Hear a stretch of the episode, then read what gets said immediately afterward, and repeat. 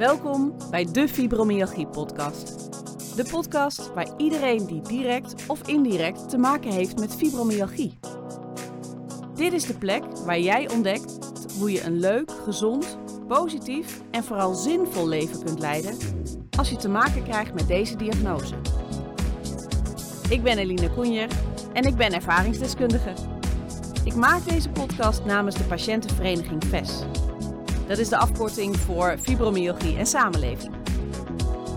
In deze podcast ga ik in gesprek met verschillende experts op het gebied van deze onzichtbare aandoening. En ik neem je graag mee op mijn zoektocht naar tips, trucs en ideeën om jou te informeren, maar vooral ook om je te inspireren. Ik wens je dus heel veel luisterplezier.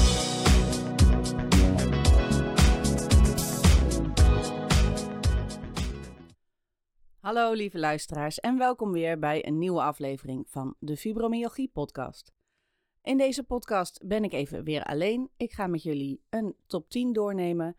De top 10 kaartjes eh, kun je bestellen via vesinfo.nl. Er zijn verschillende onderwerpen die dan langskomen. Het zijn handige, handzame kaartjes waar je even op terug kunt vallen, even naar kunt kijken. Maar ik wilde ze ook graag gebruiken voor de podcastserie.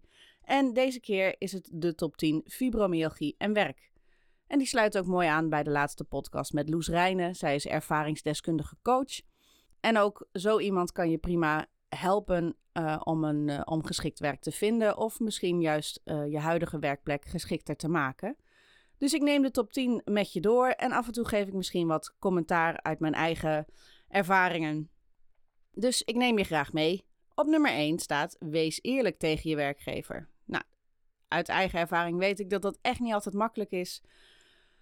Maar toch belangrijk dat je in gesprek gaat met je werkgever en dat je aangeeft dat je chronische pijnklachten hebt. En um, nou ja, waar je tegenaan loopt en wat je wel en niet kan. Uh, en dan kun je samen misschien een oplossing vinden. Wat ook slim is om uh, je werkgever te vragen of er een arbeidsdeskundige langs kan komen om te onderzoeken of er aanpassingen mogelijk zijn. En op die manier kun je dan ook beter garanderen dat je je werk kan blijven doen. Op twee staat een positieve werkhouding is erg belangrijk. Het is belangrijk dat je laat zien dat je graag wilt werken, maar dat het soms even niet gaat. Dus ook daarin is het belangrijk dat je in gesprek blijft. Ja, die ervaring heb ik zelf ook wel. Ik, ik werk nu voor mezelf. Maar het is best lastig om um, nou, met een werkgever uh, helder te krijgen: oké, ik wil heel graag werken, maar het zal niet elke dag lukken of niet elke dag even goed lukken. Ja, dat is natuurlijk wel. Um, nou, dan is communicatie gewoon heel belangrijk. Op drie staat: kom zelf ook met oplossingen. Maak gebruik van de mogelijkheden die er zijn en ga actief op zoek. Vraag bijvoorbeeld om een ergotherapeut om langs te komen. Die zit in je basisverzekering uh, tot 10 uur, geloof ik. En want als je plezier hebt in je werk, kan je gewoon beter met de pijn omgaan. En met een ergotherapeut kun je ook misschien voorkomen dat je pijn krijgt. Je krijgt uh, tips, maar misschien ook voor je uh, werkplek, de hoogte, je stoel.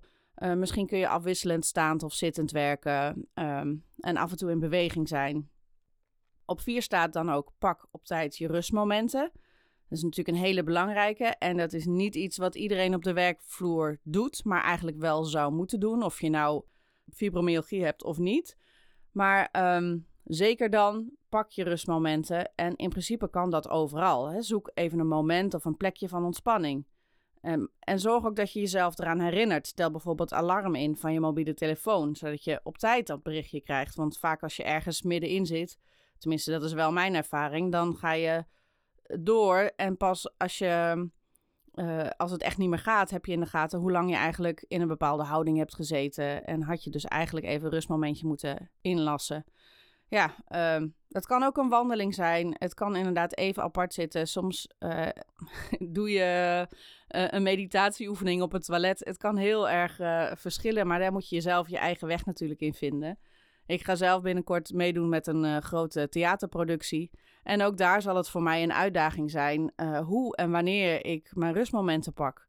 Want dat zijn echt uh, lange dagen met veel wachten en veel staan. Maar in die wachtmomenten kan ik natuurlijk wel even mijn rust pakken. Nou ja, misschien dat ik daar nog wel een podcast over maak, hoe ik dat, hoe ik dat ga aanpakken. Maar ik wil er in ieder geval van tevoren wel graag over nadenken. En wat ik wel al heb gedaan is ja, met de productieleider bespreken wat er aan de hand is en, en hoe we dat uh, zo goed mogelijk in goede banen kunnen leiden, zodat ik toch die rol kan spelen. Op nummer 5 staat probeer te variëren. Zorg voor voldoende afwisseling en voor genoeg beweging. Nou, dat is eigenlijk ook al wat ik zei. Al is het soms even een rondje door het gebouw waar je bent, of even om het gebouw. Buiten is natuurlijk nog fijner. De trap op en neer. Um, je kan ook het extra vriendelijk maken door de andere een kopje koffie aan te bieden en jij haalt het even. Gewoon niet te lang in één houding. Dat is ook zeker mijn ervaring. Ik kan best wel veel hebben als ik maar niet te lang uh, in één houding zit. Op nummer 6 staat: kijk of je anders kunt werken. als je het je kunt permitteren, is minder werken of niet werken misschien wel een optie. Of kijken of thuiswerken mogelijk is. Of zoals ik heb gedaan, dat je toch gaat kijken naar, hey, kan ik misschien als zelfstandige aan de slag? En geloof me, dat is ook niet altijd makkelijk en is ook niet per se voor iedereen een oplossing. Ehm, maar er zijn meerdere wegen die naar Rome leiden. En ga vooral ook iets doen wat je plezier geeft, waarvan je denkt, hé, hey, dit, dit kost me eigenlijk weinig moeite en ik, en ik krijg er energie van. Op nummer 7 staat zorg voor balans op de werkvloer. Zorg dat je relaties met je collega's goed zijn en uh, dat je wat van elkaar overneemt.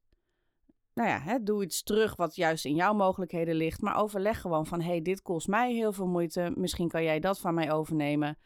Um, ook al zit het misschien niet in je functieomschrijving. Kijk gewoon wat bij je past. En misschien is dat ook iets wat je met je werkgever kunt overleggen. Van hey, dit zit niet in mijn functieomschrijving, maar daar ben ik wel heel goed in en daar ben ik ook toe in staat. Misschien kan ik dat van iemand anders overnemen. En kan die iets van mij overnemen, waardoor we gewoon allebei meer in balans zijn. Op 8 staat: schakel een deskundige in. Um, maak gebruik van ervaringsdeskundige coaches. Ze kunnen je handreikingen bieden. Nou, ik sprak al uh, met, uh, met Loes Rijnen, die ervaringsdeskundig coach is.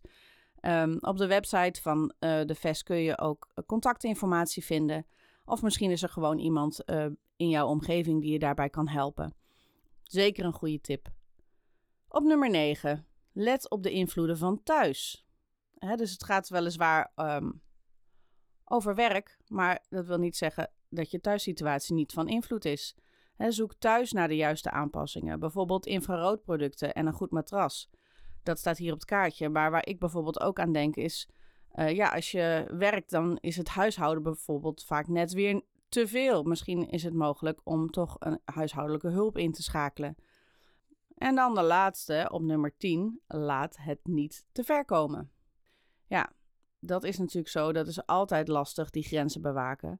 Maar als je het te ver laat komen en je hebt zoveel last dat je helemaal op bent, ja, dan, dan kan je niet meer werken. En dat is voor niemand leuk. Voor jezelf niet, voor je werkgever niet. Dus het is echt van groot belang dat je op tijd je grens aangeeft. En uh, dat je leert ontdekken waar die grens dan ligt. En dat wil niet zeggen dat die altijd op dezelfde plek ligt. Je mag ook altijd wel uh, op zoek gaan naar: hey, is die verschoven ja of nee? Ligt die hoger, ligt die lager? Maar belangrijk dat je ook daar weer over communiceert en goed bij jezelf blijft voelen. Is dit oké of ga ik mijn grens over en loop ik het risico dat ik helemaal uitval? Ja, uiteindelijk is mij dat ook overkomen. Uh, het is ook niet altijd te voorkomen. Maar ik ben ook iemand, uh, en ik weet dat heel veel van jullie dat ook zo ervaren. Ik wil heel graag, maar het lukt niet altijd. En dat is al lastig genoeg. Dus vooral van belang dat je een werkplek vindt met mensen om je heen die uh, begrip kunnen opbrengen voor je situatie, die mee willen denken. En stel jezelf ook gewoon open uh, en denk na over oplossingen en, en kijk wat wel kan in plaats van wat niet kan. Nou, ik hoop dat je aan deze top 10 met tips en adviezen uh, wat hebt gehad. Uh, laat het ook vooral weten aan ons via, um, via e-mail is makkelijk. Uh, En um, nou ja, er zullen nog wel meer top 10's langskomen. Ik hoop dat je ze interessant vindt. Het zijn wat kortere podcasts en soms is dat ook even lekker tussendoor. Voor nu bedankt voor het luisteren en heel graag tot een volgende keer.